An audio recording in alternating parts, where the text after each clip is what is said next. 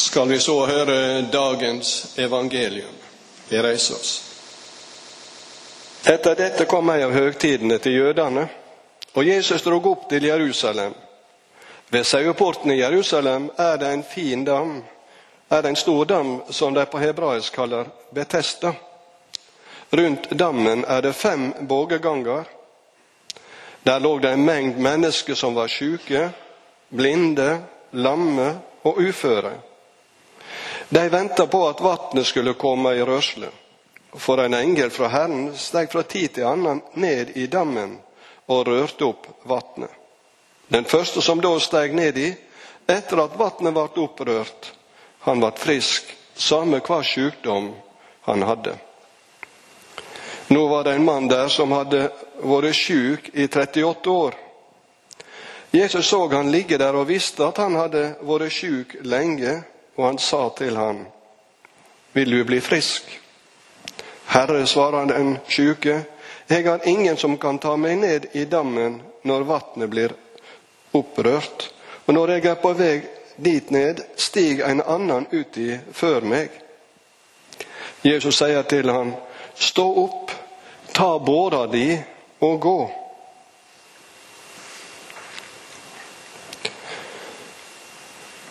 Og straks ble mannen frisk. Han tok båra si og gikk. Men det var sabbat den dagen. Derfor sa jødene til han, han som hadde blitt lekt, det er sabbat, du har ikke lov til å bære båra di. Mannen svarer, han som gjorde meg frisk, sa til meg, ta båra di og gå. Hvem er det mennesket som sa at du skulle ta båra di og gå, spurte de. Men han som har blitt frisk, visste ikke hvem det var, for Jesus hadde trukket seg unna. Det var så mye folk der. Seinere fant Jesus mannen på tempelplassen og sa til han, Nå har du blitt frisk att, synd ikke mer, så ikke noe verre skal hende deg. Mannen gikk da og fortalte jødene at det var Jesus som hadde gjort han frisk. Slik lyder det hellige evangeliet.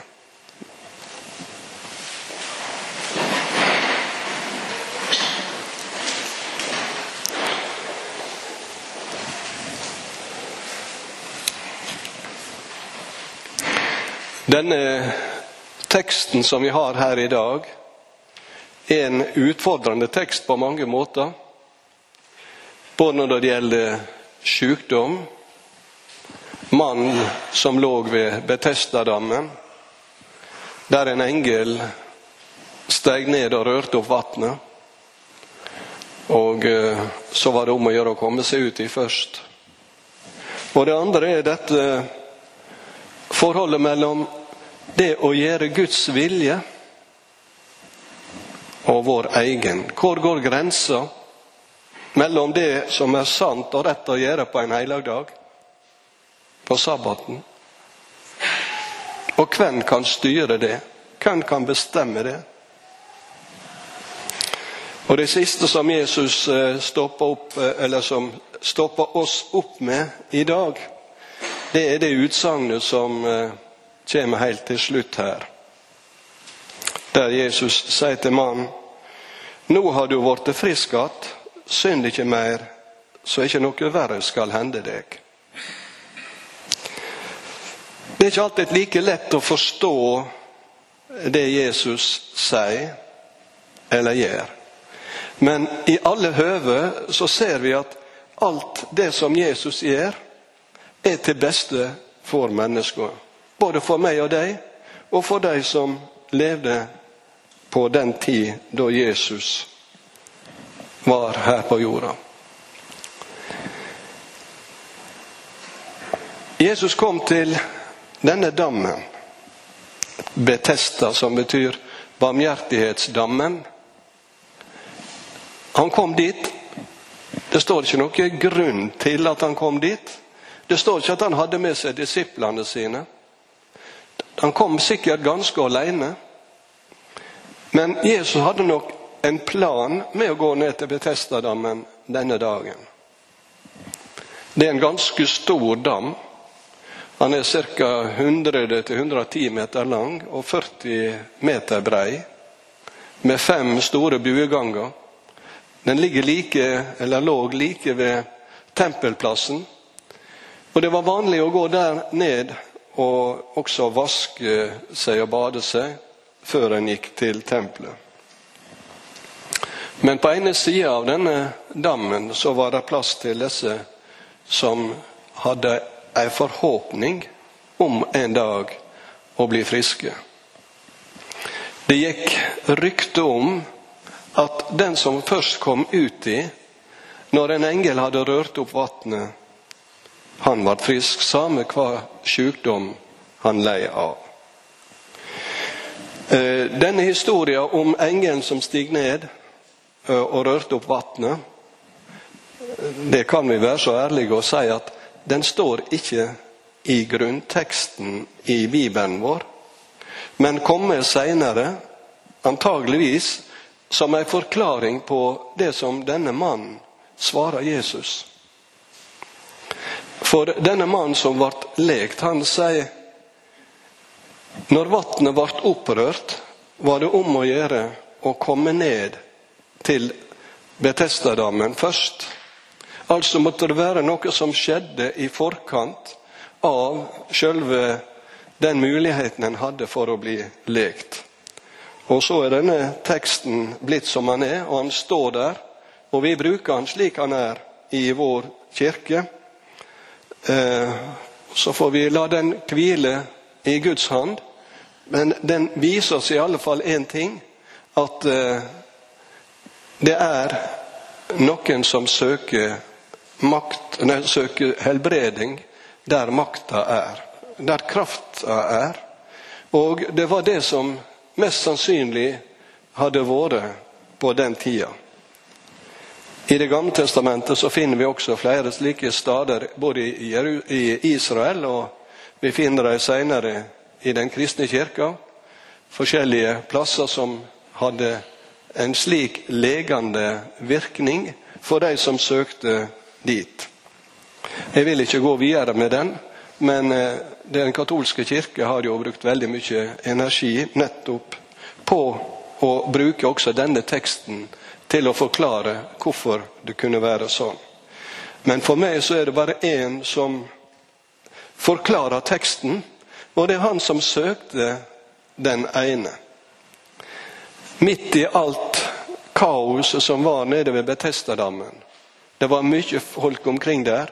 Det står at folk kom og gikk, og det var ikke lett å, å se hvem som var der. Men Jesus så den ene. Og det tror jeg er denne teksten sitt hovedtema. Jesus ser den enkelte av oss og veit om oss. Det står ikke noe om mannen, hva navn han hadde. Det står ikke noe om at han var en kjent person, eller noe sånt som gjorde at folk også visste hvem han var. Men han var en Mr. NN, en ukjent for folk flest. Kanskje foreldre, familien. De som bodde eller lå ved sida av han visste hvem han var. Men han var en ganske anonym person. Men det er ingen anonym person framfor Jesus. Gud skapte oss alle sammen med vårt spesielle uh, utrustning og med våre spesielle gener og alle de alt det som vi er, hver enkelt. Det er ganske utrolig når en ser på Guds skaperverk. Trenger ikke bare tenke på mennesket, men alt det Gud har skapt. Så skaper han det helt spesielt for hver enkelt art og hver enkelt person eller dyr eller tre eller fisker, om du vil. Det er alle ting skapt etter, et mønster og en egenskap som det må være en allmektig Gud som står bak. Og denne allmektige Gud steg ned i menneskeskikkelse. Han kom til oss, tok bolig mellom oss. Vi så hans herligdom, den herligdommen han har fra far sin, full av nåde, og jeg skulle til å si, og kunnskap om hvert enkelt menneske. Det var Jesu oppdrag denne dagen der ved Betestadammen. Han så den enkelte. Ja, men det var mange syke, kan du si. Det var mange som trengte hjelp. Eh, det kan godt hende. Men Jesus visste om den ene. Og hva han kunne bruke denne mannen til seinere, det står ikke noen plass. Men jeg er helt sikker på at Jesus hadde en plan med at nettopp denne mannen skulle bli nådd der ved Betestadammen og få del i både helbredelse og det som enda mer var, og enda større var. For når denne mannen blir møtt av Jesus, så spør Jesus han vil du bli frisk. Sjøl et barn ville si det var noe dumt spørsmål. Der ligger en mann som er dødssjuk, lagt der i 38 år. Og så spør jeg vil du bli frisk. Det er klart det. Men mannen blir så overrumpla. Og så sier han ja, men jeg har ingen som kan kaste meg ut i. Og før meg så er det en annen som når ned til vannet. Altså underforstått han var innstilt på å leve slik resten av sitt liv. Men så kommer Guds tilbud i Jesus Kristus. Kommer Gud med, Gud med sin nåde til denne sjuke med spørsmålet vil du bli frisk. Kanskje var det nettopp det han trengte der og da. At han ble på en måte vekt opp fra den lange dvalen av sykdomsår som han hadde levd der ved dammen. Og måtte tenke er det mulig? Er det mulig når Gud sier til oss Per, Kari, her er jeg. Jeg ønsker å velsigne deg der du er. At vi hører det, det til oss, til meg. Og denne syke mannen, han opplevde det. Og jeg er helt sikker på han opplevde det som om at det var til han personlig. Jeg tror Det er ikke skrevet, men jeg tror det skapte den trua på at det var mulig. Og så blir det mulig. Reis deg, ta båra di og gå. Altså når Gud taler til oss og ber oss om å gjøre ting, utfordrer oss til ting som vi trenger å gjøre. Vi veit dette er mitt. Det er mitt i den forstand at Gud kaller meg til å være med på, delta i, gjøre det. Eller om det er noe som vi skal legge fram for ham. Enten vi er syke, ting vi må bekjenne, ting som har vært vanskelig og vondt, forhold som vi må gjøre opp i. Når Gud minner oss om ting, så vil han at vi skal gjøre som denne syke mannen. Han tok båra si. Han reiste seg opp og gikk. Det er trua sitt svar, gjensvar, kan vi si, når Gud kaller oss. Vi reiser oss og går. Jeg har mange ganger blitt minnet om hvor viktig det er å svare ja når Gud kaller. Både når jeg var en tenåring og Gud kalte meg til å følge Han. Når jeg var i studietida og var ferdig med den og skulle begynne å arbeide Jeg var da feltprest i Bardufoss. Så sier han gjennom en Det var organisten vår den gangen. Skal ikke dere ut som misjonærer? Jeg måtte gått hjem igjen, tenke over det, ta båra mi, knytte opp pakkene våre, alt det vi hadde samla oss, og svare ja.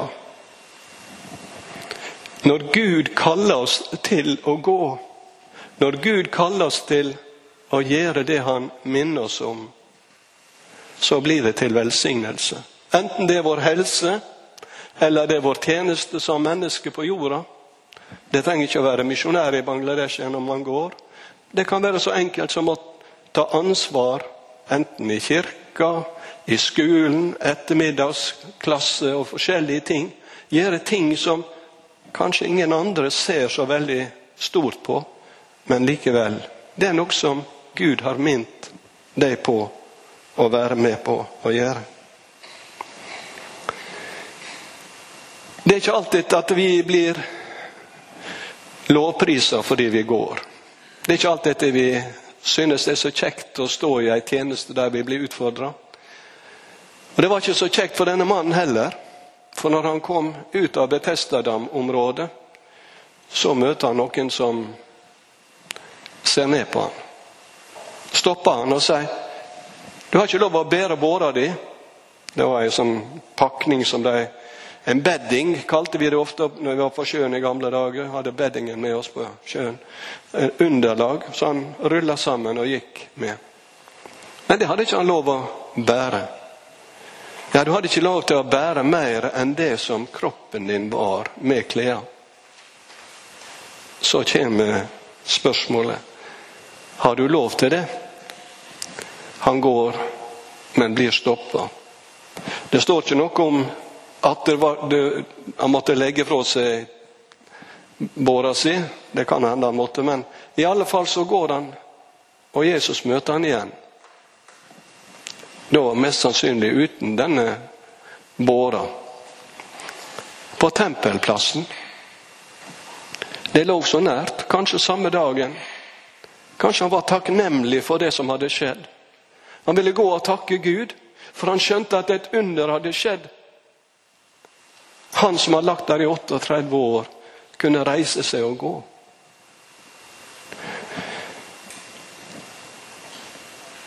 Da er det Jesus møter han.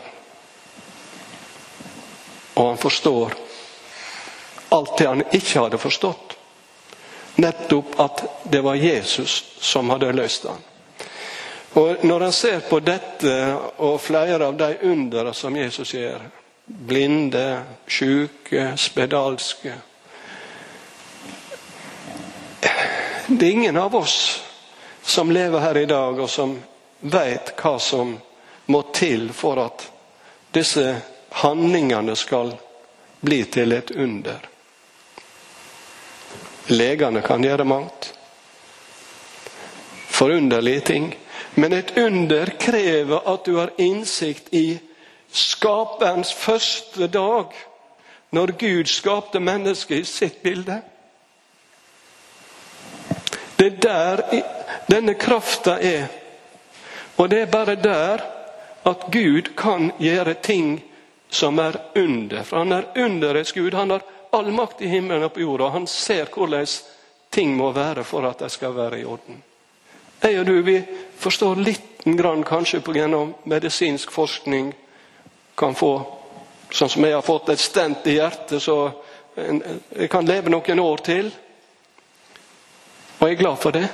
Men under er det bare underets Gud og Han som steg ned i våre kår, som kan gjøre. Seinere fant Jesus mannen på tempelplassen og sa til ham, Nå har du blitt frisk igjen. Synd ikke mer, for at ikke noe vondt eller verre skal hende deg. Og Da er spørsmålet er det noe han har gjort siden han var sjuk.